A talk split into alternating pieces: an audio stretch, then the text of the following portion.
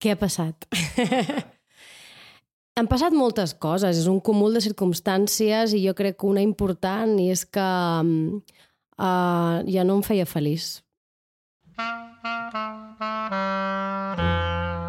Que jo crec que la tècnica es, es, està com molt... mm, té una molt mala popularitat per culpa de directors mediocres que no saben dirigir els seus actors. I a mi el que em fascina és això, que com més aprenc, més, més m'adono que, que és molt difícil dir bé el text, en el sentit de que un públic es pugui emocionar i t'entengui, que per mi això és el, el que és dir bé un text, no? I el que teatre, cada funció s'arreglen coses. Llavors, hi ha un punt de, de, maco de dir, no ho sé el que aniré a veure, confia-hi tothom ha d'arribar fresc. Tu no pots tenir actors que s'estan deixant el cos i la veu i l'ànima només perquè tu tens una inseguretat amb mitja escena. És a dir, per mi un actor que no escolta els seus companys, que els hi falta el respecte, que no sap passejar, perquè n'hi ha molts, que no és un actor tècnic. I jo crec que això també et farà anar per la professió doncs, amb...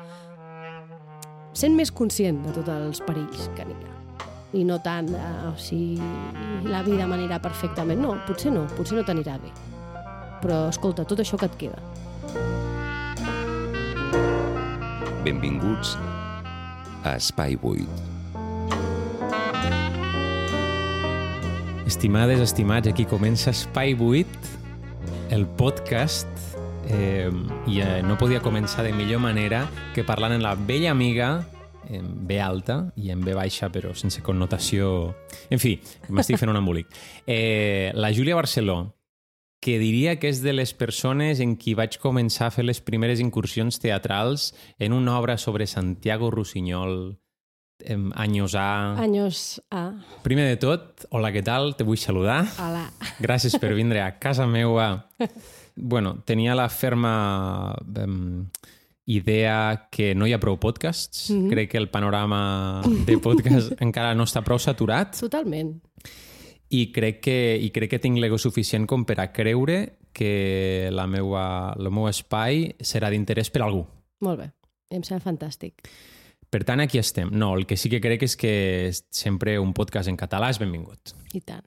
Este podcast, mm, com així com la newsletter i Espai 8 com a projecte, no, encara no té una línia molt definida que crec que s'anirà eh, creant d'una manera orgànica. Però el que sí que crec intuïtivament que anirà sobre art en general i sobre creativitat Mhm. i sobre ofici. Molt bé. I per això t'he convidat a fer el primer episodi perquè no sé quin any, fa un any, va ser o no arriba un any, que va sortir un tuit teu. Menys, si vols, menys d'un any. si vols posa en context, explica-ho tu mateixa. Va sortir un tuit, em fa molta gràcia, no? Va Va aparèixer... No hi tens res a veure, va sortir D'una altra dimensió, no era jo. No, sí, em van hackejar com el Líquer Casillas. Eh, no fa, doncs, sis mesos, potser, al setembre, potser en fa més, no sé ara calcula quan, però sí, a l'inici de temporada, no, va ser el maig, perdó, el setembre va ser quan vaig prendre la decisió, al setembre de l'any d'aquest any, eh, que, que deixaria la professió. és a dir, que, que ja no volia fer més teatre, no volia ser més actriu, no volia ser més directora i, i necessitava dir-ho com amb totes les lletres perquè, perquè era una decisió que mai a la meva vida m'hagués pensat que prendria i tan, i tan dràsticament. I si em preguntes dos mesos abans et dic, què dius, no? Eh? Vull dir que va ser molt de cop. I llavors vaig decidir, al setembre vaig començar a ostres, ostres, està passant això, i al maig jo crec que ho vaig fer públic perquè ja havia pres la decisió de manera conscient i ja havia avisat a la meva gent propera i a la gent amb qui treballava i ja, ja havia començat a dir que no a projectes i per tant vaig considerar que podia no dir res i que passés i simplement la Júlia Barcelona desapareix o mm. desapareix del panorama teatral Com o simplement, exacte, i- com moltes, o ja ningú pensa en mi perquè no passa res o ho deia públicament perquè creia que era una decisió important tant per mi com per la professió i que em venia de gust també compartir-ho perquè és una mica el que he fet sempre a xarxes, vull dir, Sí. una mica el que em passava pel cap, el que em, em generava neguit, eh, el que creia injust, ho he anat compartint i per tant em va semblar que, que ho podia fer i, i me n'alegro molt d'haver-ho fet, la veritat. Ja deixem aquí l'am posat, hi ha el cliffhanger aquí. I abans de seguir, perquè no tingui clar qui és la Júlia Barceló, si has viscut en una cova, desgraciat, eh, la Júlia Barceló eh, té una vessant d'artista, ha estat, bueno, tu m'amplies si, si m'equivoco, ha estat eh, actriu de, de, sobretot teatral, però suposo que també en l'audiovisual, com tothom han fet uh -huh. més o menys incursions, té companyia pròpia, la companyia solitària, amb el Pol López i el Pau, Pau Vinyals. Vinyals, gràcies. És que era tanta P, tanta P, Pol i el Pau. Sí, I la sí. Júlia Molins, productora, que uh. -huh. també hi ha una actriu, però no és aquesta en aquest cas. Era una figura dins del panorama xarxes català bastant important, sobretot perquè jo crec que va ser pionera en molts temes que després s'han institucionalitzat fins i tot, però en aquell moment començaven a sonar campanes sobre termes, coses com grassofòbia, com feminisme radical o no, o, o sobre eh, la mirada feminista sobre el cos d'un mateix. Tot, totes aquestes coses que a poc a poc han anat calant, jo crec que almenys aquí pel, pel que jo he vist o perquè jo he pogut eh, notar, va ser com de les primeres veus que va sortir. Per tant, de cara a, a la gent, tant de la professió com fora de la professió, un tenia un mapa de la teua carrera com bastant envejable. Tenies bones ofertes, havies treballat en directors bastant guais o bastant respectables, tenies una companyia pròpia que era mm, bastant programada per teatres grans com el Nacional, Mm. I tenies una certa reputació o bastant de reputació i fins i tot eres cridada per mitjans audiovisuals mainstream catalans. Així que eh, quan vaig veure aquell missatge a mi em va ressonar molt eh, per molts motius. Primer, perquè la pandèmia va fer com replantejar-nos molt eh, una inèrcia de projecte a projecte a projecte a projecte a tothom, però els artistes o la gent que es dedica a l'art en global i a l'art escènic en particular eh, en, encara més perquè sempre vas com eh, que estàs fent una cosa i n'has de pensar cinc per sobreviure i anar empalmant mm. i per altra eh, la, la curiositat de dir què és el que ha passat, quina constel·lació s'ha alineat perquè una persona que a simple vista tenia un camí bastant bonic i bastant traçat, decideix cortar per lo sano. Què ha passat? Què ha passat? Han passat moltes coses, és un cúmul de circumstàncies i jo crec que una important i és que uh, ja no em feia feliç. Crec que com el titular és una mica aquest. No em feia feliç vol dir que, que em feia patir. Uh -huh. Perquè, clar, una cosa és que, vale, potser estàs treballant, tampoc cal que la teva feina, perquè mm, relativitzem-ho, és una feina, uh -huh. i a mi m'agrada també dir-ho, eh, però no, no, crec que el còmput final no era positiu. Vull dir, jo tenia, patia molt més, eh, estava molt més pendent de la feina quan tenia feina, pendent de, del que passava, del que no passava, de, de, de les polítiques, eh, molta ansietat econòmica perquè és una feina molt inestable que encara que quan treballes però has de treballar molt per cobrar realment un sou cada mes. Llavors tot això es va posant en alguna banda del teu cos i en el meu cas, que jo sóc molt així, va, em va fer un dia dir potser que el problema de tot això i que no estiguis a gust i que no sàpigues molt bé per què sigui la teva feina. I, i quan vaig començar a dir i si ho deixo? cada cop que ho deia era com, era com molt alliberador de dir, potser, potser sí, potser és això, no? I la gent em deia, doncs fes-ho, no passa res. La, gent, la meva gent propera, que la gent que t'estima, en el fons, el que vol és que siguis feliç i li és igual la decisió que va, hagis pres als 16, 18 o 20 anys i tothom em va dir, fes-ho, clar, si és el que creus no, no hi ha cap problema i això també em, em va fer com veure-ho possible, no? Cada vegada sembla com que no t'hagis d'atrevir o que no sigui possible deixar, perquè què faré? Com a mi no m'ha fet mai gaire por això de buscar-me la vida, perquè com a actriu ho has, ho has de fer sempre, no? Perquè quantes feines hem tingut els actors i les actrius? És que en, en tenim mil de feines per subsistir. Per tant, buscar-ne una que fos més estable no, no em suposava un problema. El problema real era dir-ho i acceptar que deixava una cosa que he estimat molt de temps, com una parella i cada cop aquesta parella no et fa feliç, al contrari, et fa més mal que una altra cosa. Hi ha gent que ho pot deixar i gent que no. I gent que prefereix lluitar per aquella relació, jo, jo he decidit tallar, tallar d'arrel. que ho fessis públic realment jo crec que va ser molt significatiu perquè jo crec que la gent que es dedica a l'art, eh, quan és una cosa que naix totalment de la vocació, és molt més difícil desprendre-te'n perquè s'entén que hi ha una, un cert privilegi en treballar del que t'agrada, del que has estudiat i tal, que això també és una narrativa una mica perversa, una mica enganyosa, si vols després en parlem o em dius què, què en penses uh -huh. de tot plegat. I per l'altra també hi ha un punt de, de, del cost enfonsat de molts d'anys dedicat a una cosa i de repent tallant sec eh, és com, no? És com qui tota la vida ha estat investigant sobre, no sé, sobre un eh, sobre una època històrica des que després resulta que tot era fals i tot el que has après llavors tu has de reinventar o, o bueno, o volia fer un símil científic però m'ha sortit fatal, però és igual o un teorema matema matemàtic mm. que de cop es descobreix que és fals, no? Dius, tota una sí, vida sí. eh, m'he dedicat a una cosa que després resulta que, que no tot i que al final els projectes que has fet els has fet. Vull dir que no has perdut res perquè hi ha un llegat que tu has aportat, artístic, eh, que, que, no, que no es perdrà, que hi ha no. hagut. Eh, és, sí, és, és una molt bona metàfora, eh, de fet. Uh, sense ser jo ni científica ni matemàtica, però és veritat, et sents com que has d'arribar a algun lloc, que hi ha un objectiu final i que l'has d'aconseguir i que si no ho fas... Eh, ets una persona que, que, que no ha lluitat prou o que no ha insistit prou en el que havia de fer, no?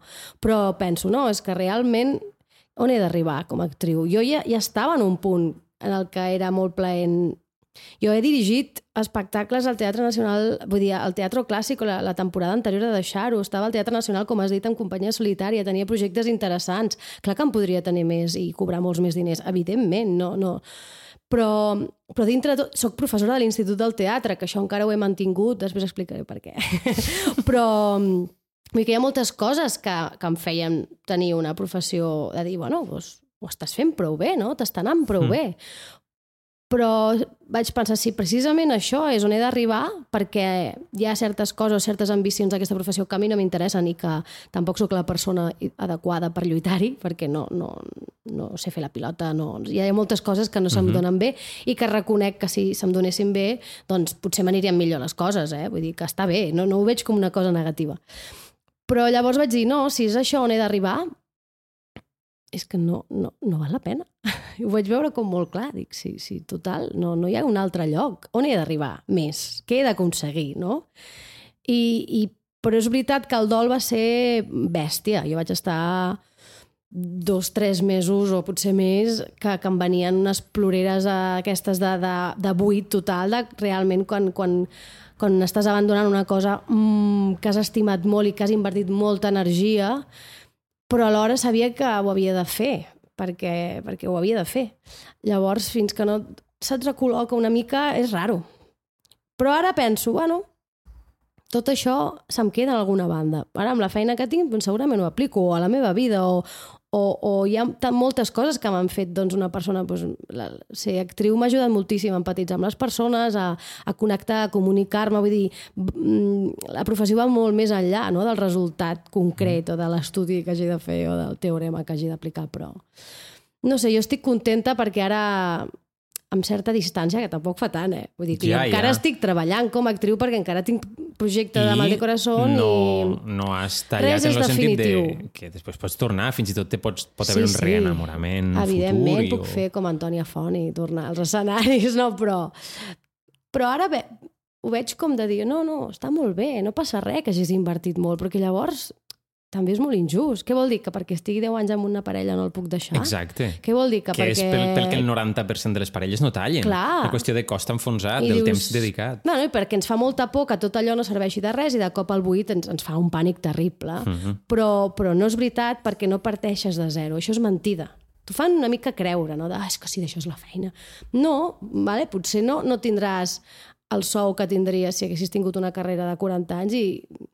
però, però tens moltes coses apreses i moltes coses que les pots aplicar i també a mi em venia molt de gust poder dir, obrir com el, el camp de visió, no? I dir, vale, sóc actriu, però és que sóc moltes altres coses. Mm -hmm. I tot això també m'ho ha fet veure la, deixar la feina que és que, com no tens aquesta llosa, de cop dius, ah, mira, sóc molt bona fent això, o m'estic relacionant amb la gent de la professió des d'un lloc molt més relaxat, perquè ja no, ja no, ja no tinc cap competència. No tens aquella tensió d'en què Sí. estàs tu i haver de fer sempre el currículum. Exacte, i al contrari, si no vull anar a veure aquesta obra és que no hi penso anar, ni penso en aquesta estrena, ni, ni em relacionaré amb gent que potser no em ve de gust, i, i també està molt bé això, perquè de cop et, et treus com una, oh, un pes de sobre. Jo, jo l'he tret, jo me l'he tret, perquè era la decisió que havia de prendre. No vol dir que a tothom li passi el mateix. Uh -huh.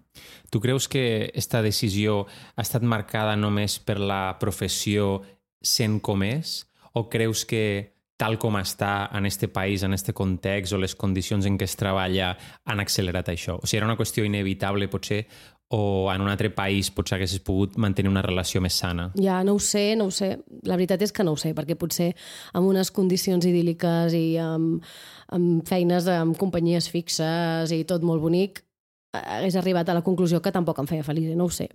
Però és veritat que hi ha una grandíssima part de la precarietat i de la inestabilitat, i especialment sent dona, i sent dona ja no jove, és a dir, ja que, de, Mm. que ja passes la trentena, que, que a mi em, em, jo pensava és que vale, puc lluitar contra tot això i ho he fet tots aquests anys, però, però per què? Si el resultat que hi ha allà darrere no sé jo si és el que realment vull, potser he d'invertir l'energia en una altra cosa.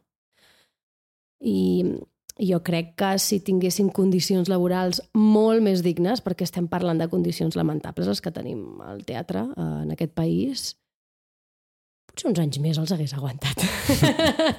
Però també és veritat que hi ha, una cosa de l'edat i és que era o prenc la decisió ara o no la prendré Mhm. mai.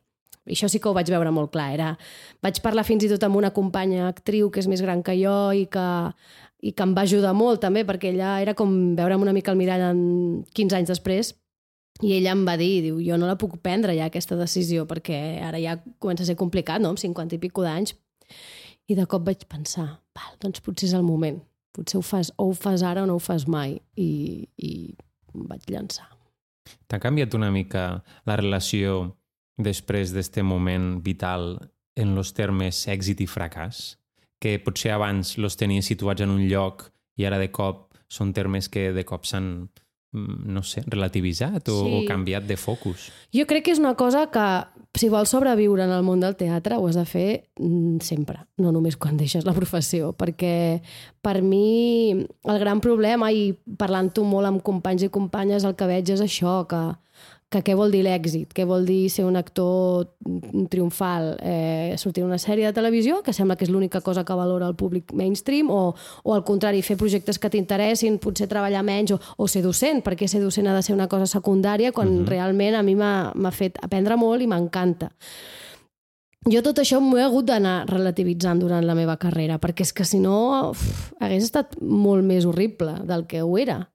I, i clar, suposo que més que ara m'ho plantegi, he- m'he plantejat deixar la, la professió segurament per això, Uh -huh. també, perquè ja em qüestionava de dir, "Però si és que l'èxit per mi és ara tenir un lloguer, pagar el lloguer, estar molt tranquil·la.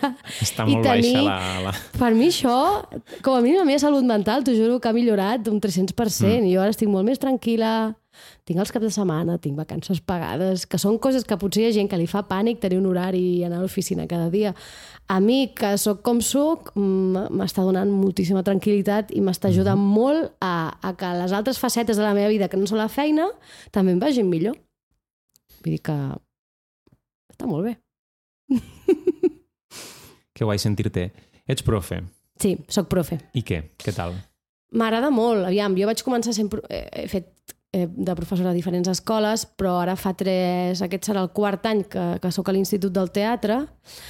I... Quina classe fas? Jo faig dicció castellana, uh -huh. és com l'assignatura una mica que tinc fixa. i Que des- és nova, perquè quan jo vaig És fer la nova. carrera no, no existia i tu I tampoc. és, és, és nova i crec que ajunta una mica de diferents assignatures que hi ha hagut durant, perquè sí que s'havia fet Siglo de Oro uh Mhm. -huh. a la meva època, que jo no la vaig fer i després em vaig fer especialista en Siglo Ja. espanyol, imagina't, no? Però jo el que faig és... Um, fem dicció castellana aplicada perquè són els, els, els alumnes de quart, que són una meravella, perquè, clar, quan veus aquests actors formats i penses, és que això això és, una, això és un luxe. I de vegades I ens tant. queixem molt de, de l'Institut del Teatre i de les escoles d'art dramàtic i penso pues que el nivell de formació que tenen quan acaben a quart, per mi em sembla incomparable. I ho dic així, eh? incomparable. I per tant, que està molt bé, és molt dur, però, però val la pena aguantar. Yo voy a, venir, voy a venir algún día a hacer de oyente, porque me hace un poco de falta, me parece. ven, cuando quier, ven cuando quieres, eh? Muy bien, estupendo. Sí, no, ens ho passem molt bé perquè fem Siglo d'Oro, que és una de les meves també passions, el teatre clàssic, i, i ho podem aplicar tot una mica. I a mi m'agrada molt, és, aprenc molt fent de profe, sembla un tòpic, però és veritat, et fa estar molt al dia, et fa estar... Mm. qüestionar-te moltes coses, no et pots apalancar com a actriu i com treballar molts cops t'apalanques. Bueno, sí que pots apalancar-te. Passa Home, que ets un que professor pots. inepte. I- i tant que pots, no, és- tots n'hem tingut. Així. Però jo pateixo una mica si, si, no, Totalment. si no em preparo les classes. Però és veritat que com a actrius i actors jo crec que ens apalanquem molt sí, mm. i hi ha molts directors que són molt poc exigents amb, amb la teva tècnica i amb la teva manera de fer. Totalment. I per tant, tu vas fent i això tal. I de cop jo a classe em fa qüestionar certes coses i em fa aprendre molt també com a actriu. I em fa estar molt al dia, també està, em fa estar al dia del que pensen, de, de, de, de què es batega, no? També com amb els actors joves, que per mi és molt important que hi hagi una connexió sempre transgeneracional amb la professió i costa molt. I tot això vaig pensant... També va haver un punt de dir, em fa molta ràbia que tot el que he après, que no és poc durant tota la meva carrera, perquè he sigut una persona una mica en aquest sentit i en el sentit d'aprendre i de la docència, m'ho he pres molt en sèrio, perquè això s'ha de perdre en el buit. Això em feia molta pena. Clar. Més, més que jo, des de Júlia com a actriu, tot l'aprenentatge acumulat, perquè penso, quanta gent hi ha en aquest país que sàpiga fer això? Molt poca. Que siguin actri actors o actrius formats en l'Institut del Teatre, que hagin fet un, pues això, hagin estat en una companyia de teatre espanyol, que sàpiguen fer vers en castellà, que sàpiguen fer vers en català. És una escola que s'està perdent moltíssim i t'ho juro que em vaig sentir com molt responsable de, de no deixar-ho ja no per mi, ara sembla que sigui aquí la... sin mi se va a la mierda, però, però en part no per mi, sinó que perquè moltes persones que tenim aquesta formació ho anem deixant. Mm. I vaig dir, no, escolta, no vull que es perdi, crec que això sí que val la pena mantenir-ho, també per mi, no vull, no vull que se m'oblidin certes coses i perquè m'ho passo molt bé amb els meus alumnes i, i crec que crec que val la pena també mantenir una petita connexió no? amb, amb la tècnica actoral, que és de les coses que més em fascinen. Totalment, sobretot era una època en què sembla que ara també parlaré com si jo estigués sentant aquí no sé quina càtedra, però, però, però que sembla que, que, que la tècnica, no sé, hi ha com un afany de verité malentesa, de, de fins i tot de preferir la no tècnica perquè això aflori i no sé, és com una cosa jo crec que poc desitjable perquè justament la tècnica, la, la bona tècnica és la que et permet volar i la no tècnica és la que et fa estar petit i ser tu, només tu, també això va molt de la mà en un teatre molt documental, quasi que només pots ser tu i la teva història, la teva realitat, el teu cos. Uh -huh.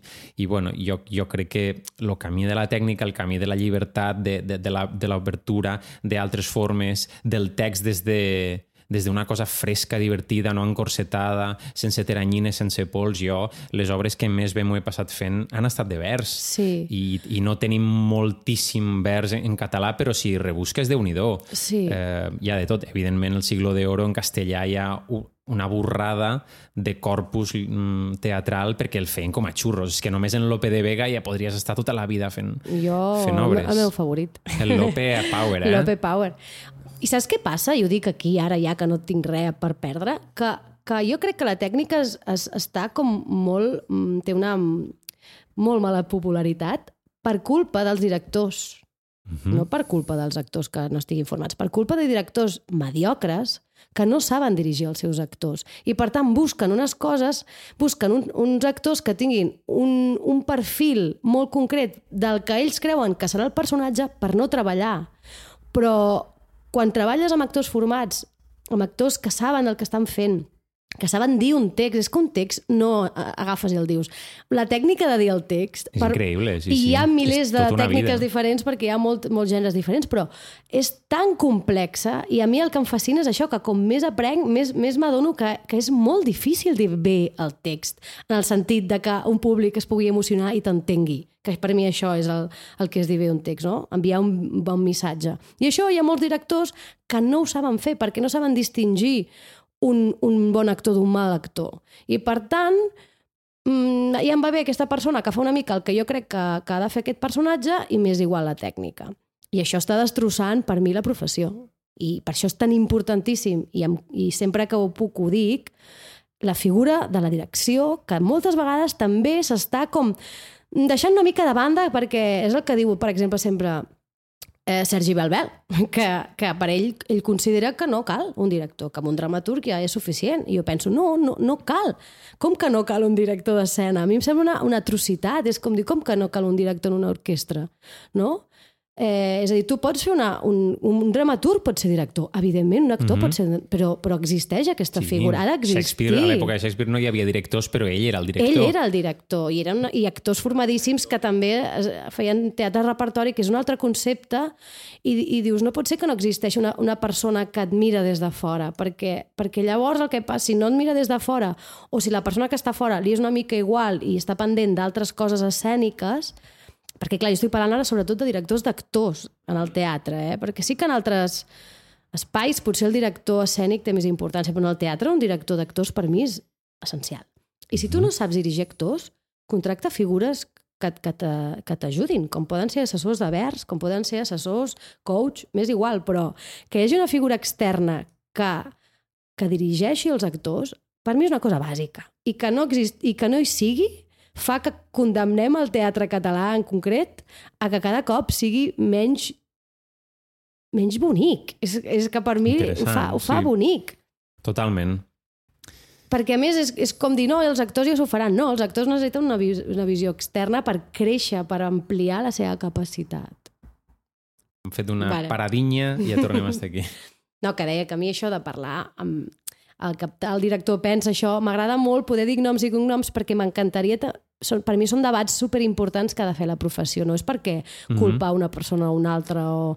sinó que, ei, per què, no, per què no discutim sobre aquest tema, que és tan interessant i, i si féssim un bon debat, doncs jo seria la persona que defensaria la figura Exacte. de la direcció i la figura de la tècnica S'han de discutir les idees, no les persones, que sempre polaritzem. Bueno, això és un gran problema de la nostra professió, que sembla que, que ho ataquis tot personalment i dius, mm. per mi el més important és la professió, no sóc jo. Totalment. Que per tu sigui el més important siguis tu és el teu problema.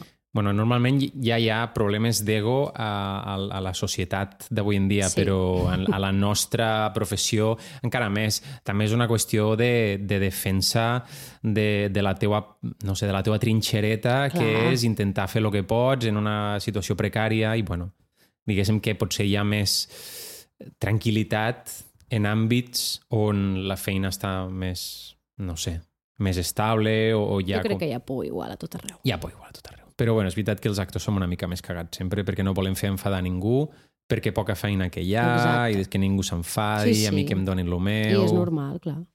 Eh, és interessant això que dies, eh, no sé què estaves dient, lo del, lo del vers... De ah, sí, eh, jo, jo el que crec que, que s'obliden com bàsics de, de, de totes les capes de creació que hi ha, en aquest cas que parlem de teatre, en una posada en escena. Hi ha una creació que és la creació del no res al paper, o de la idea al paper. Això mm. és una creació. Mm -hmm. Jo crec que hi ha una altra creació que és la, de, que és la del paper a l'escena, això la fa el director, però també hi ha una altra creació que és la que fa l'actor a través del director, a través de la visió del director o la directora, mm, que és convertir-ho en, en alguna cosa real, tangible i, i, i, i que energèticament se fa, se fa matèria, sí. que, que està fent l'alquímia del no-res a alguna cosa. Eh, i, I crec que si oblidem una d'aquestes tres potes que té, com a mínim, n'hi ha més, clar, però crec que bueno, hi ha un cert reduccionisme de dir no, això és el paper i simplement posa't i fes-ho. I això pot funcionar si tens uns actors que tenen una intuïció brutal i que tiren Exacte. i que tenen una mm, professió de l'hòstia, i, i el director o directora, si és que ha anat a la majoria d'assajos, perquè moltes vegades és sabut que algunes obres les munten els, els ajudants de direcció, és sabut. és sabut, però després el premi el recull el director de torn, eh, fan semàfors o, o, o donen idees molt vagues i poc accionables. Tu estàs així, tu estàs així, posa't allí, entra, surt... Bueno. Sí, perquè per, per mi no, jo no puc entendre una obra, una obra de teatre sense, sense un equip -huh. És a dir, per mi una obra de teatre no és el director, no és l'actor, no és l'escenògraf ni és l'autor. Eh, jo no, no puc entendre-ho, perquè jo que he passat moltes i molt, però moltes hores, potser és el lloc on més he estat, és una, en una sala d'assaig, treballant, i per sort moltes d'aquestes hores ho he pogut fer en companyia, és a dir, amb, amb, treballant en equip, amb un, amb, un, amb un equip de gent amb el, qual, amb el qual confies i que pots obrir-te totalment a nivell creatiu i a nivell ideològic, perquè clar, és molt important també poder dir tot el que penses en un assaig, mm -hmm. si això Mhm. t'agrada, si això no t'agrada, si això et sembla bé. Clar, quan, quan fas això, qui ho signa? Qui signa les coses? És que és molt difícil. Exacte. És molt difícil, perquè jo, amb la Judit Colomer, no, que és la, la escenògrafa de gairebé tots els projectes de companyia solitària que hem fet, i ella també m'ha fet les escenografies d'algunes direccions, i jo, jo parlo molt amb ella, dic, jo no sé dirigir sense tu al costat. Jo necessito la teva figura al costat, perquè jo el que sé, el que sé fer és dirigir actors i col·locar-los en un espai però necessito una, una persona que sàpiga d'aquest espai, que sàpiga especialment els missatges que té aquest espai i el que vol dir aquest espai, perquè tot això lligui, perquè si no el que fem és capes rares, anem posant parxes i després allò és una, una, una obra. I el que tampoc entenc és que un director sàpiga el primer dia el que farà amb aquell No, espectacle. això, és- això es mata la creativitat, sí, Perquè sí. tu pots fer un espectacle en el que ja ho sàpigues tot i és una cosa com pim-pam-pum i, i que quedi molt maca, però per mi el procés teatral és tan diferent i tan contrari, també, també ens passa la, gràcies a la precarietat, que és que si no tens diners per fer una escenografia de vuit pisos i llavors ja saps on aniran els actors, clar, jo, jo em diu, però què, com serà això aquesta escena? Com? No ho sé, jo no ho sé. I jo no ho sabré fins segurament l'últim dia d'assaig. Que no vol dir que no estiguin passant coses a cada assaig i que es prenguin decisions a cada assaig perquè s'han de prendre. Però jo el primer dia de dirigir un espectacle no en tinc ni idea. I el que pot semblar una cosa com de no has fet prou feina, o- per mi és molt important, perquè jo treballo així i hi ha una cosa que em dona certa confiança, que és sé el que és l'obra i sé, que, sé, sé, sé el que tinc, quin material hi ha, però com acabarà això? No en tinc ni idea. I a mi és les coses que em semblen més fascinants, no saber-ho. Això, bueno, són dues maneres d'entendre la vida, també. Gent que el que millor veu a la vida és una persona que li ve i dir eh, vine, ho sé tot, jo tinc les respostes, a mi, si així comença el primer dia de la primera lectura d'una obra de teatre, jo desconfiaria 100%, Sí. i la gent que diu tinc unes intuïcions, tinc ganes d'estar obert al que pugui passar, això implica troballes, el que em doneu als assajos, com se crea orgànicament. Sobretot. No? És, com, és com dir com serà la criatura quan acaba de néixer. O sigui, Sí, sí. tu no, no ho sabràs, o sigui, ho aniràs veient i aniràs reaccionant a les necessitats que té. No? Llavors, eh, jo crec que això és el que diferencia sobretot el paradigma artístic, jo crec que és que estem còmodes en la incertesa i el paradigma de ja t'ho dic tot. Jo tinc totes les respostes i tinc una visió molt clara d'on aniré. pel, pel producte que has de vendre, no? que és que vivim en un sistema que el primer uh, tu estàs presentant un projecte que encara no té text i et demanen una sinopsi i unes fotos. Mm. I això és contrateatral. És a dir, no té cap sentit, perquè l'única cosa que estem fent és venent productes i que, per tant, aquest producte, si no s'assembla al que suposadament havíem de vendre, quin, quin problema? Mm. Per tant, ens passem l'assaig preocupats perquè allò que veurà el públic, aviam si serà, han comprat les entrades, però és que està molt mal plantejat, perquè la gent hauria de... Si la gent entengués què és el teatre, no, no ho dic des, del, des de la prepotència, és que no sabeu el que és el teatre, no? sinó, sinó realment la professió, que som els responsables, eh, digni, ho, ho dignifiquéssim i respectéssim els nostres temps, la gent no hauria de veure, per mi, ni fotografies de l'espectacle, Mm -hmm. perquè no sabem el que passarà fins l'últim dia d'assaig. I fer fotos un mes abans em sembla ja una, una mena de, de, de, de capar la, la creativitat i un procés que podria ser molt més interessant, però com tenim tanta, tants inputs, per tant, com des d'aquí, estimats oients, jo diria al públic, de què va una obra? No ho sé, atreviu-vos, perquè hi ha un punt de risc en el teatre, Mm. que potser altres, altres espectacles o altres eh, altres peces audiovisuals jo no ho tenen perquè clar, ja veus el, el producte acabat però el teatre s'acaba d'assajar el dia abans i el que teatre cada funció s'arreglen coses I tant. llavors hi ha un punt de, de, maco de dir no ho sé el que aniré a veure, confia-hi confia-hi, perquè si no sempre estem una mica com fent el que hem de fer i no fent el que està passant i el que hauria de passar en un procés d'assajos. De, de, d'assajos. jo sé que és difícil, eh? Hi ha coses inevitables. Suposo que potser en un procés de creació d'una obra a la sala gran, a una sala gran, però no sempre per al nacional, eh, suposo que tens allà una gent que ha de construir coses, escenògrafs, tal, que t'ho demanen en antelació, Sí. llavors sí que hi ha alguna cosa que has de tindre plantejada, però també jo crec que los actors o la gent que té companyia, sobretot, mos han fet uns especialistes a vendre fum. I crec que és Sí, una, sí. part, és una part important. O sigui, quan vens un dossier, estàs dir- venent fum i, Mm. i ho has de fer el màxim de bonic i demostrant la màxima confiança amb el producte i amb la Sí, companyia i amb el que vols dir. Però estem venent fum perquè no tenim ni idea del que farem i menys mal. Sí, Eh, que però jo així. quan dic de que mm, no sabem el que passarà, és a dir, tu el primer dia pots tenir l'escenografia muntada a l'escenari, però no saps quina funcionalitat tindrà aquella escenografia i segurament moltes coses de l'escenografia que estan al primer dia no hi Canviaran. siguin l'última.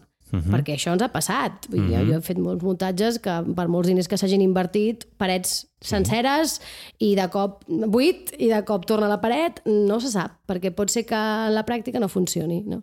Però per mi això és, el- és, és el que és interessant. I que tot l'equip ha de confiar en això. Perquè aquí és on 100%. l'ego es mm, desinfla. Perquè si tu com a actor, no, no, és que aquest meu monòleg ha de sortir sí o sí, perquè era el moment més... No, és que tot està al servei de l'obra.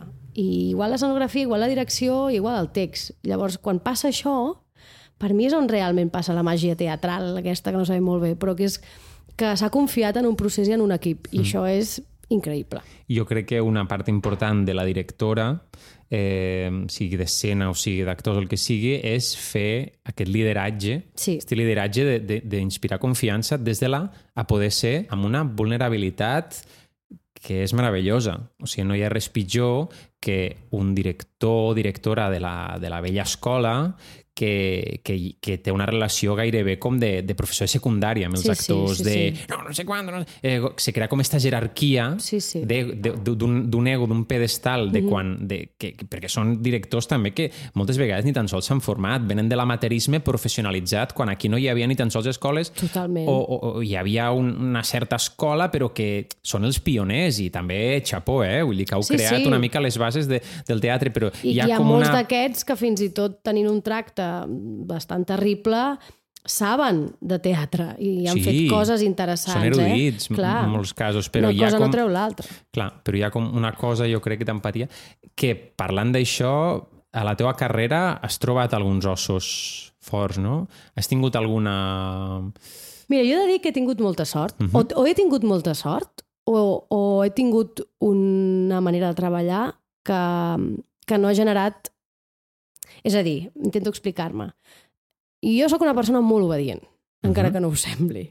Teatralment parlant, sóc una persona molt obedient. Jo faig el que em diu el director perquè és el, Confies? confio perquè, igual que no canvio el text, perquè, aviam, ja m'entens, soc, soc, soc obedient, soc obedient de mena amb totes les coses que faig a la vida. Llavors, quan de cop et, et donen un text i una proposta, penso, bueno, és que és això, jo, jo estic al servei d'això, per tant, si és el que vol que faci el director, potser jo no és el que jo faria.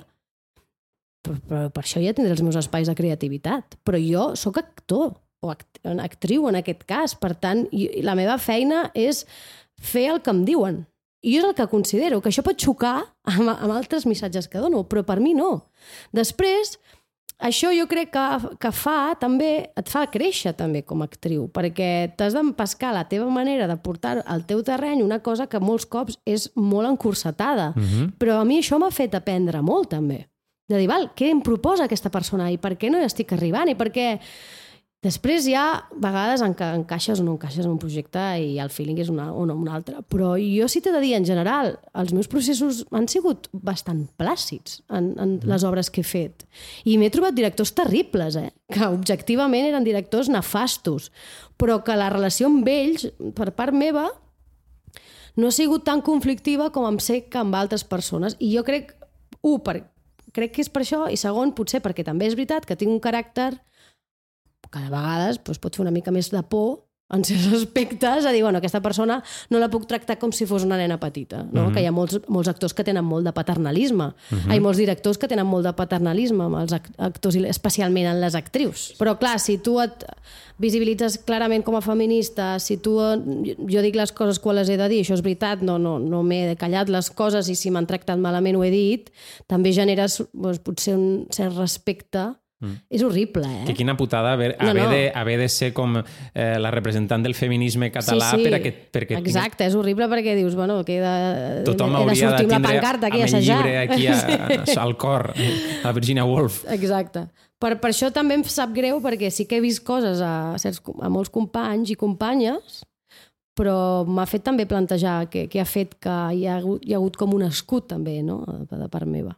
Tornant al món de l'escola, Sí. de fet, la primera pregunta venia eh, en la reflexió que jo, com a professor, o en el dilema que normalment tinc quan veus aquelles mirades de talent, d'il·lusió, de ganes, com trobes la balança entre aneu a tope, el món és vostre, i també posar-los una mica els peus a terra. Esta, esta balança és, és difícil de gestionar perquè tu no vols capar-los d'entrada, no els hi vols capar les il·lusions ni xafar com eh, aquesta embranzida perquè és molt poderosa i és molt artística. Mm. Eh, però per altra banda tampoc els pots vendre el fum. No, jo és que també penso, la meva feina com a profe és formar aquests actors el millor que pugui. I formar-los, per mi, el millor que pugui és que siguin molt realistes, és a dir, que sàpiguen molt la realitat que es trobaran. Però hi ha la realitat econòmica, i la, tot això els hi podria explicar, però no és la meva feina. Jo el que sí que els ensenyo és precisament això que es deia. Quin tipus de directors et pots trobar? Quin tipus de direccions, quin tipus de projectes, quins comentaris, quina manera de tractar els personatges i a tot això com ho enfoques des de sent un actor professional, no? I això a mi m'ha anat molt bé i, i, i et protegeix de certa manera d'això, no ser il·lús. De, Mhm. no, jo estic aquí i la, la il·lusió ho pot tot. No, és que hi haurà moltes vegades que el projecte serà horrorós, però l'únic que tens és la teva tècnica actoral. I és el que et protegeix, també. Eh? A mi la meva tècnica actoral m'ha protegit de dir... De fer el ridícul. De, de fer el ridícul, per suposat. 100%. Això, mira, sí. I tot i així segur que l'he fet moltes vegades, però mm. hi ha un punt que dius, és igual. Mm, també dius, no, no, escolta, estic fent el que m'ha dit el director. Mm. Oh, i tant. I em paguen i no s'ha mort ningú, que jo sàpiga. Exacte. Però mm, després, no sé, la il·lusió... a mi m'agrada que tinguin il·lusió, però que la transformin en tècnica, perquè jo una cosa que no puc suportar és, és que només hi hagi il·lusió i no hi hagi feina. perquè això no és res, això és ok, però per mi no és ser actor professional. No? Uh -huh. Llavors, sí que sóc, crec que tinc, un bo, tinc bona relació amb els alumnes, però sóc una persona molt exigent també amb, amb, amb, amb el que fan i el que no fan i els hi dic. I per tant, per mi el respecte als seus companys és mm, bàsic, vull dir, coses que potser a, a mi me les han ensenyat eh, a l'Institut del Teatre, vull dir, no, no Mhm. m'invento res. I a mi m'han servit molt i jo crec que això també et fan anar per la professió doncs, amb, sent més conscient de tots els perills que n'hi ha Uh -huh. i no tant de oh, si la vida m'anirà perfectament. No, potser no, potser no t'anirà bé. Però, escolta, tot això que et queda. Jo crec que la formació teatral és especialment profitosa i interessant a nivell de, de, de, de, de vincles, de grup de, i sobretot d'una generositat brutal. Encara que de portes en fora sembla el contrari, mm. perquè la figura d'actor, d'actriu és una persona individualista, divo, eh, que només agrana cap a casa, que naturalment si hi ha la fama serà per alguna cosa, però que en el món del, lo, lo, lo món de l'art escènic tu tens unes habilitats professionals Sí, sí. que et fan ser un perfil brutal Mm. al, al món, al món Sí. professional, de, de, sigui on sigui. I això em porta a dir que la tècnica, precisament, el que fa... És a dir, per mi un actor que no escolta els seus companys, que els hi falta el respecte, que no sap passejar, perquè n'hi ha molts, que no és un actor tècnic. Per molt que, que sàpiga fer la vertical amb el dit petit de la mà esquerra. Vull dir, per mi això no és un actor amb bona tècnica actoral. Uh -huh. La tècnica actoral és precisament saber assajar, generar espais eh, en els que tothom se senti còmode, eh, no estar parant l'assaig cada dos per tres per mogudes teves del teu ego, eh, respecte per sobre de tot, sempre, no culpa als altres, no? I, i això tu em portes a tot arreu, clar. Clar que tu em portes a tot arreu. Si és que precisament Jo a vegades m'emociono i tot, i quan he dirigit és quan m'he adonat de, de que veus els actors treballant així i són, és una ànima mm, mm, de lo més generós que jo he vist mai. Mm Mhm. És a dir, com un actor m'està donant tot això només perquè jo li he demanat. Vull estar fent aquí unes coses i està invertint una energia, part emocions, eh, part del seu imaginari, de les seves experiències, en el sentit de que, vulguis o no, són els nostres cossos no? qui ho vehiculen. I tot això m'ho està oferint en un assaig, a porta tancada, perquè jo li he proposat fer això. I clar, quan tu estàs allà fent act- d'actriu, et penses que és, és que no t'ho planteges. clar. dius, és el que jo faig. I quan mm. ho veus des de fora, dius, és que és preciós. Mm. És preciós. I, i, I és que no funciona, al contrari. Encara que ens pogués semblar que, que si un va sol, eh, funciona, no funciona. I a mi, durant la carrera, com que érem, un, érem una promoció molt masculina, eh, sempre feien com... Bueno, érem molt futboleros, que a mi em feia molta ràbia perquè jo no ho sóc gens, però que no és desencertada la metàfora amb el futbol de que tu pots ser un crac, però és que si jugues sol no hi ha gols. O sigui, ha d'haver un treball d'equip brutal, a més que era l'època aquella del Guardiola, el Barça Sí, i no sí. sé què, hi havia com molt... Aquesta embranzida, el tiqui... I, i, I era com... Sí, sí, 100%, o sigui, que, que un divo eh, al mig de, de gent talentosa, ell, ell se fa petit també i la gent se fa petita perquè si si no se suma és que, és que es resta Clar. I, no, i una cosa emocionant no és tan emocionant, una cosa que fa riure no fa tan riure perquè és això, és, és, és, com, és com una orquestra, és un instrument No. que cadascú juga a la seva part. És el que diuen dels, dels millors protagonistes, no? Diu, les millors actrius o actors que fa protagonistes són els que cedeixen, els que escolten i els que respecten totes les altres propostes.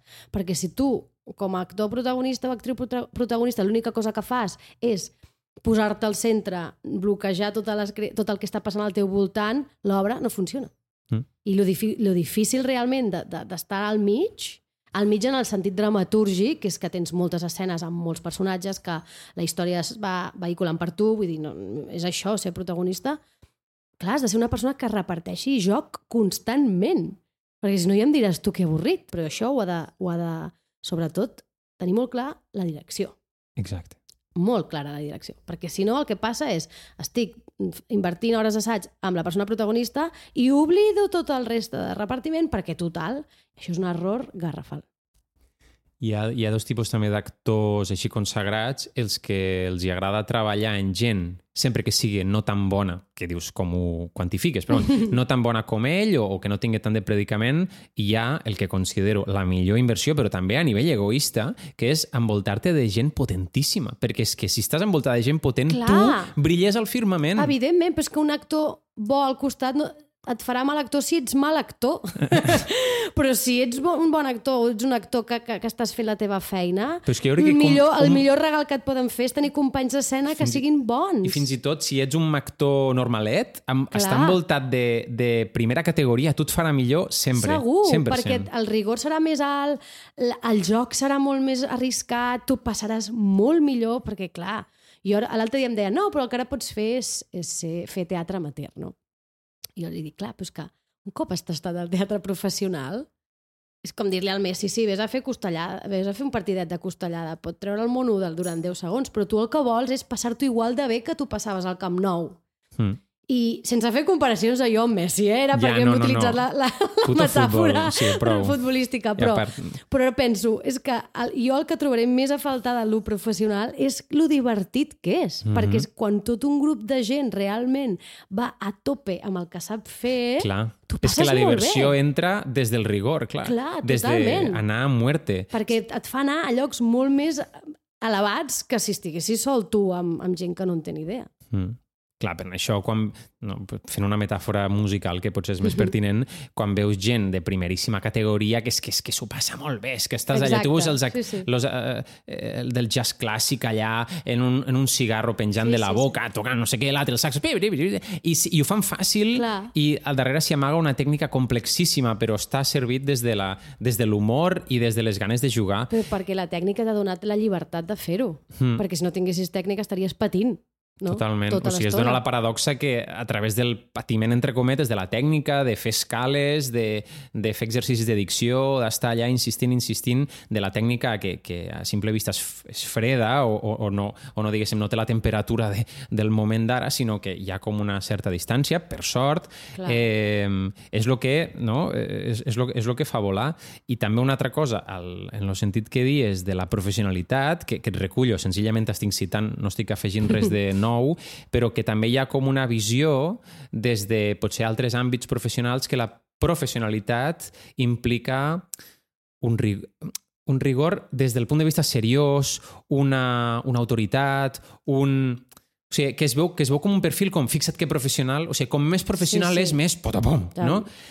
I jo m'he trobat que en entorns com més professionals, de, de, de, del, del màxim nivell en què pots estar, és en la gent que estàs més tranquil, Total. més ben... eh, Fins i tot ells venen a demanar-te consell, o sigui, és que l'ego és tan baix Sí, sí, sí. jo no he vist la mateixa quantitat d'ego junta en una sala com en, com en àmbits no professionals Sí, o sí. amateurs o pretesament professionals però que no que clarament no, no eren, no eren Però sants. perquè precisament la gent professional s'ha dedicat a això, a la professió, no s'ha dedicat a ell mateix. Però sí, que tu pots anar molt bé i, i que clarament sigues el protagonista de la teva carrera. Hi ha però... professionals que són imbècils també, eh? Absolutament, però un bon professional el fons ha invertit molt de temps en això, Mm. en, en, en tot el que l'envolta, en que allò que defensa, perquè ho has de defensar molt, vull dir, has d'invertir moltes hores que faran que sacrifiquis moltíssimes coses de la teva vida, allò vols que, que funcioni, no? que, que vagi bé. I en canvi, amb l'àmbit amateur, el que vols és tu treure't una mica l'espineta, passar-t'ho bé, estar una estona amb els, els teus companys i que la gent et digui que ho fas molt bé. I això és el que, quan jo vaig començar a fer teatre, és el Clar. que volia, eh? Mm. Vull dir que no m'estic inventant des de... I, I per tant, clar, jo també ho penso, els egos al teatre amateur mm. els hauríem de...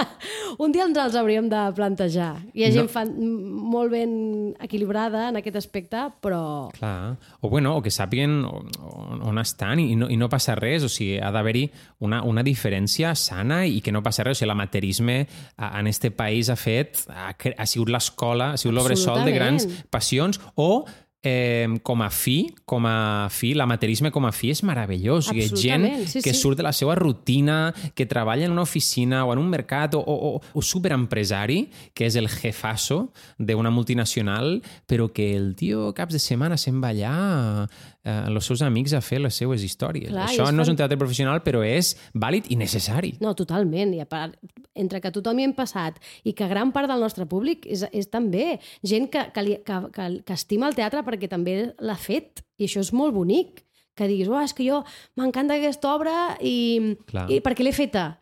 O a mi molta gent m'escriu de, ostres, ens pots passar el text d'aquesta obra perquè la volem fer amb La el nostre fer. grup de no sé què. A mi això em sembla brutal quan ho vehicules així. Però també em fa ràbia que de vegades es parla del món professional des de l'ego, el divisme, el no sé què, i dius, bueno, els egos estan a tot arreu, i de vegades el, la professió el que et fa és anivellar-ho. Mm. I jo crec que en general, en general, les persones que ens dediquem a això no són persones egocèntriques. I mira que n'hi ha, eh?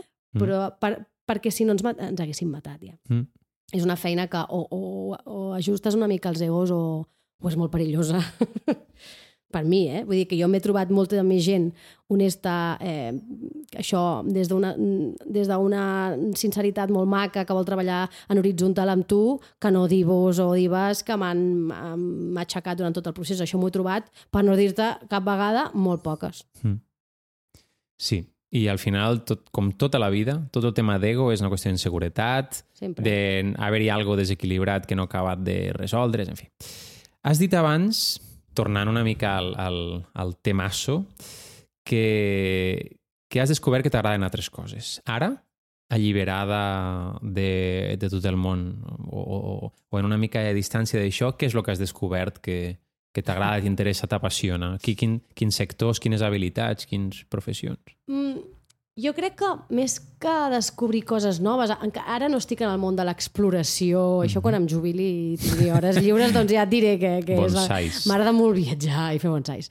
Però mm, sí que trobo que el cervell um, té molt més espai per gaudir de les coses que gaudia abans. Mm -hmm. És dir, no és que la meva vida hagi canviat tant, que sí, perquè ara tinc una, una feina diferent.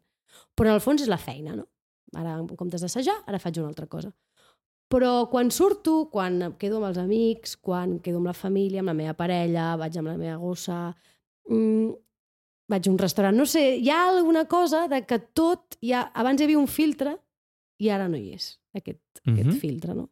I ara puc gaudir com de les coses és un lloc molt més relaxat i, i és molt fort, perquè hi ha una cosa de, també d'aquestes professions creatives que sempre el cervell no para uh -huh. i mai descanses i els teus projectes no acaben el divendres a la tarda. Sí. I, per tant, jo sempre estava pensant en la feina, mm. sempre estava generant, sempre estava tot ho vehiculava amb el procés d'assaig que estava fent, o de cop dius, ostres, mira això, aquest llibre, perquè me l'he de llegir, però abans em llegiré un que tinc un assaig, per tant, millor que em, em mm. posi a llegir la Simone Weil, perquè no sé què. Llavors, tot això, ara no ho tinc. I llavors, si he d'agafar un llibre, l'agafo perquè em ve de gust. Si he d'anar a un lloc, vaig perquè ve...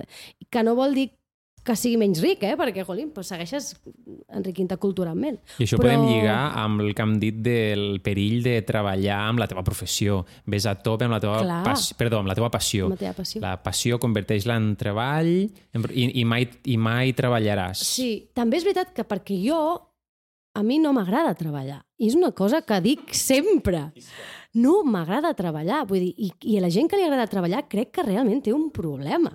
Vull dir, la vida no està feta perquè treballem. Hem d'abolir el treball assalariat. No sé quan, però ho aconseguirem. Jo sóc d'estos, eh? Jo, jo sóc una mica I llavors, a mi Clar, no, i tu i moltíssima gent, però jo, aquesta cosa d'assagem demà i, i divendres i diu... I jo sempre pensava, no, no ets prou actriu perquè, clar, no, tu no vols assajar el diumenge. o no t'estàs comp comprometent prou perquè tu no vols assajar fins als 10, 10 de la nit, encara que sigui la teva... I ara penso, no, és que és el més sa.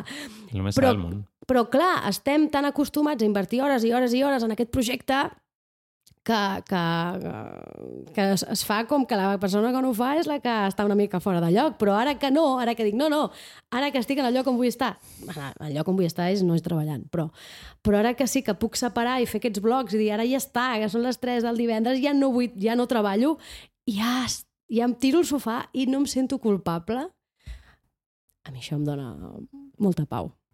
M'acaba de vindre al cap, acabo de tindre un flashback d'un moment, d'un assaig en què jo havia de tocar o sigui, feia d'actor i jo, sorpresa, també feia de pianista, com el 90% Però només de... un instrument, David, és molt és poc per no, tu, també no? toca l'acordió. Ah, val, val, val. Eh, i, I havia de tocar una peça de granados, no sé, i no me l'havia pogut mirar perquè anava molt estressat i era per a un bolo, i dic, bueno, ja el, ja el faré, però ara no em surt, no, no me l'he mirat, no me l'he mirat.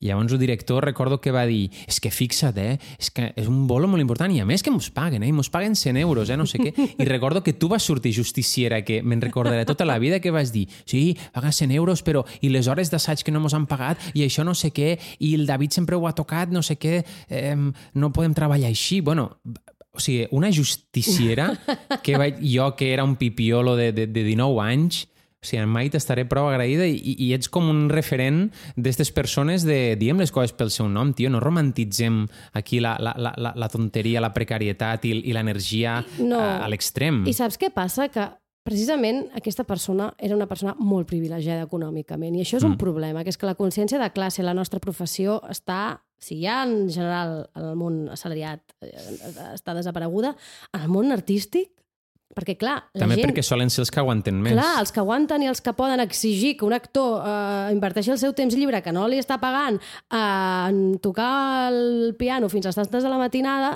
és gent que realment no sap el que va l'hora treballada.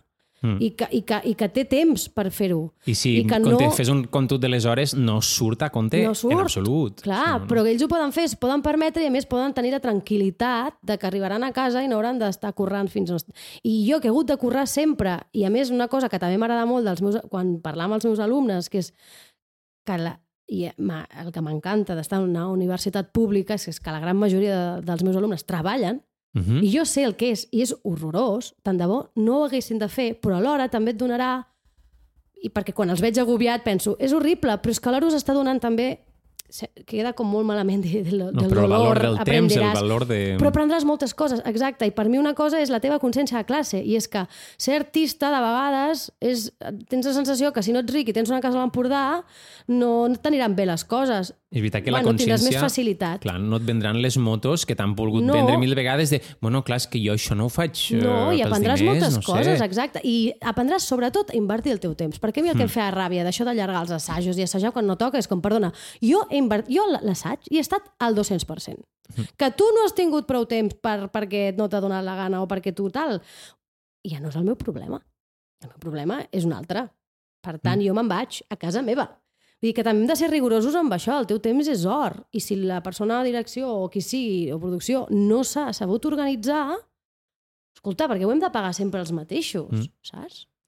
Sí, ara m'encantaria obrir esta via perquè tinc moltes coses a dir, com per exemple que una producció meravellosa, eh? tothom fantàstic, però haver-hi com no sé, com aquestes coses que es comencen a passar per alt, petits descuits, que jo aquí va sortir el sindicalista que mai ha sortit perquè jo també sóc o era d'estos actors de no diguem res, estem agraïts i tal, i estic molt content d'haver-ho fet perquè tothom m'ho va agrair. Clar. A poc a poc, les pauses van passar de mitja hora a 25 minuts a 20 pauses d'assajos de 6 hores seguides. Clar, clar, clar. Estem parlant de 6 hores, que són 3 hores, pausa, i, i a més que no, no es feia les pauses a les, a les 3 hores, sinó que moltes vegades a les 3 i mitja o 4. Però passa res, movem la pausa on convingui per Bueno, i és un per energia. consens. Cada cop dius, no volem fer pausa perquè som una companyia Exacte. de motivats i no sé què, Totalment. i estem en plena... Però s'han de fer, perquè era un equip fer, molt sí, gran sí. de molta gent Sí, sí, i sí. tothom li anava molt bé Totalment. perquè no sé si només ho sap qui ha estat en assajos en jornades llargues d'assaig que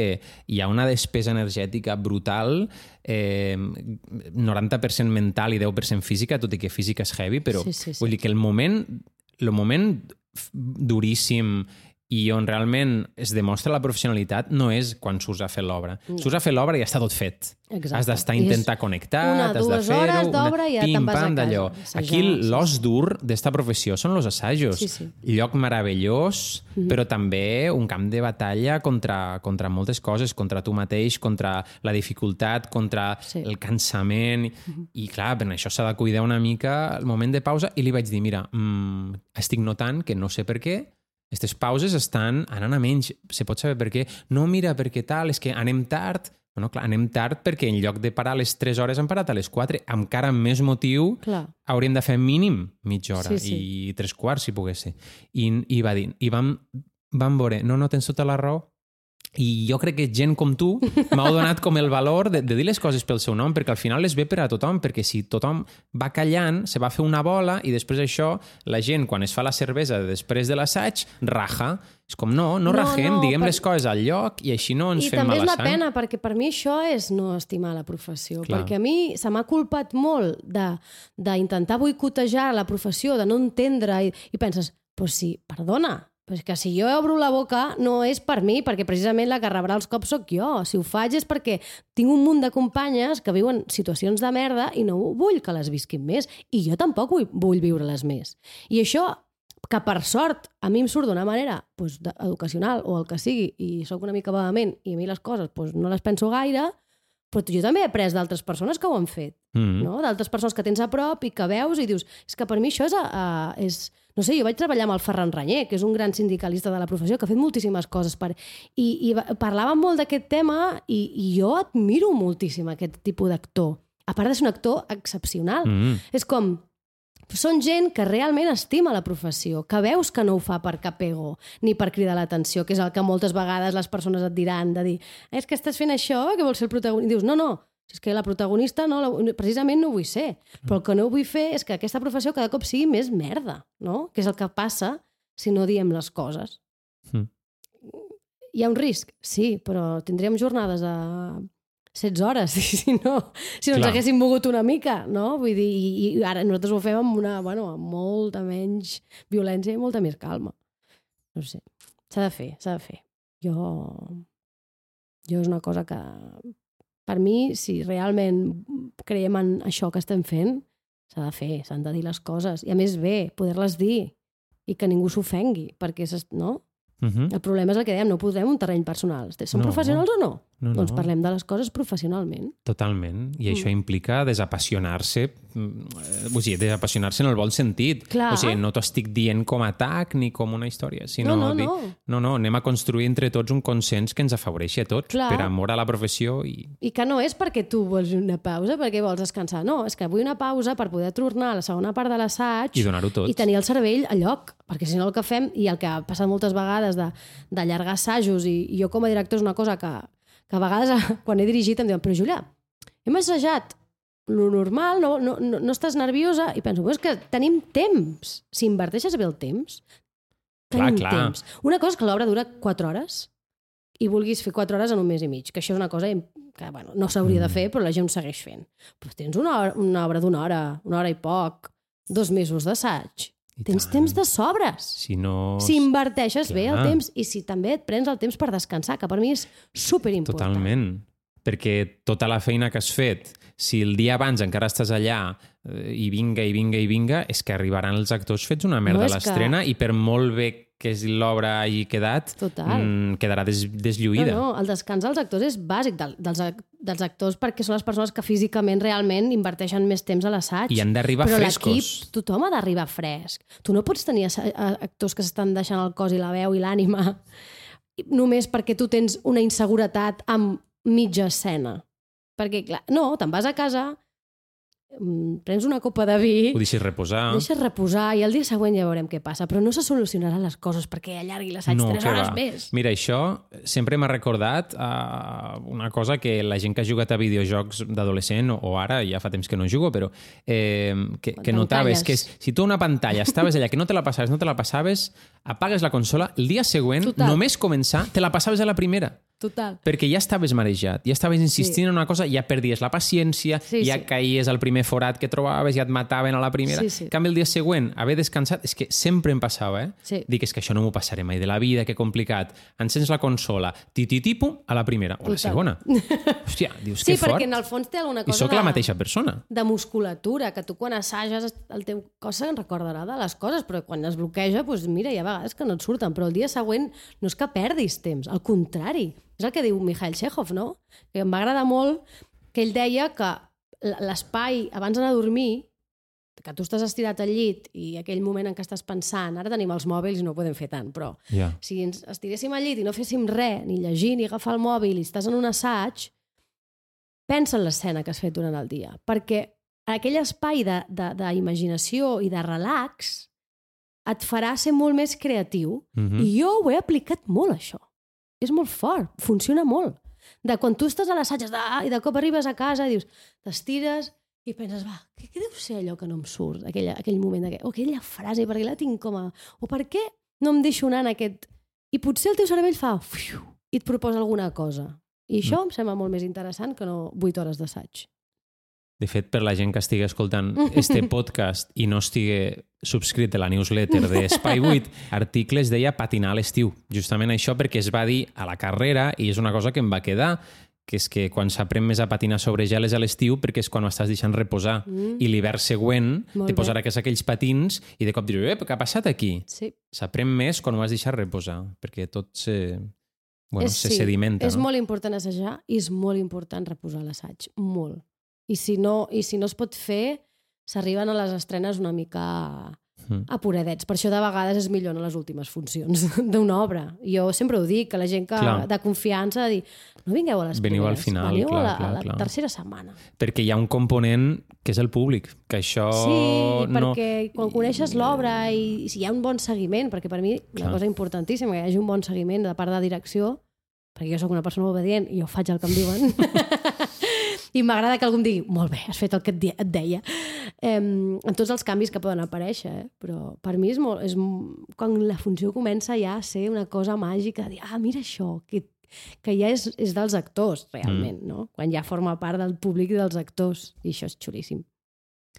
Arriba aquell moment de tot podcast on al final se fan com les preguntes que se li fa a tothom, Vinga. em fa una mica de mandra, però crec que és interessant de cara a la gent. Mira, el Fermín, Fermín és el meu gos, Fermín vol, vol saber-ho. Fermín Eh, vol- Fermín.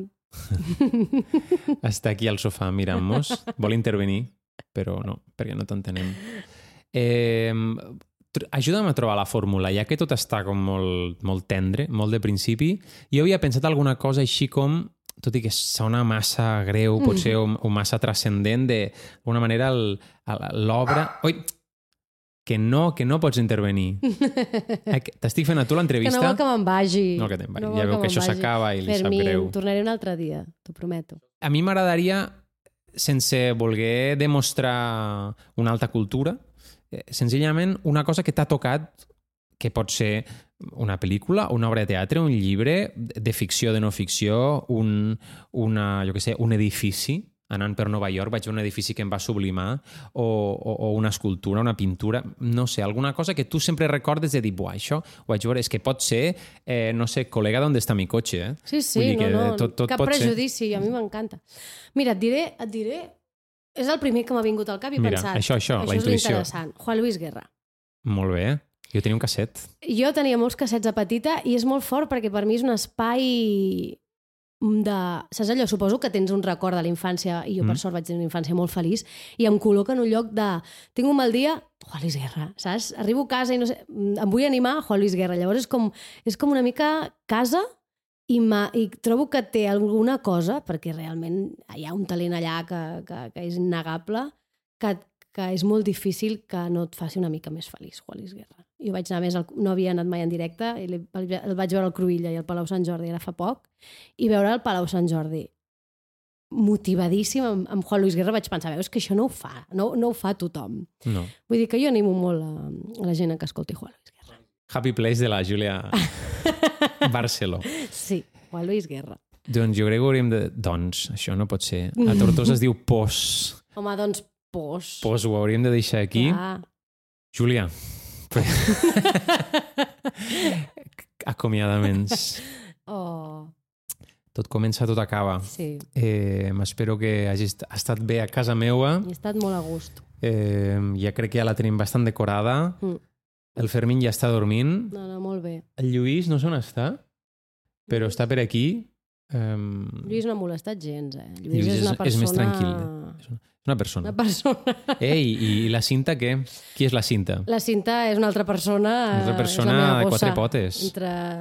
Sí, la, la cinta és, és, és, és, és meravellosa. Ens agrada molt. A mi, jo soc molt fan de la cinta. Em fa molta companyia, fa molt de riure i és molt particular. La cinta que és la patrona de Tortosa. Sí, que no sí, sé sí. si... Mm, cada tortosí, És cinta de Jacinta cada o cinta de cinta? És cinta de cinta. Perfecte. Llavors és és, tortosina. no? A tope. És tortosina. És que ve de la gent. cinta. De... La verge aguanta una cinta. Ah, doncs Sí, sí. és ella. És ella, és ella. Aguanta una és ella, cinta. és ella, és ella. Sí, sí. Doncs adeu a tothom i gràcies. Adéu. Gràcies, David.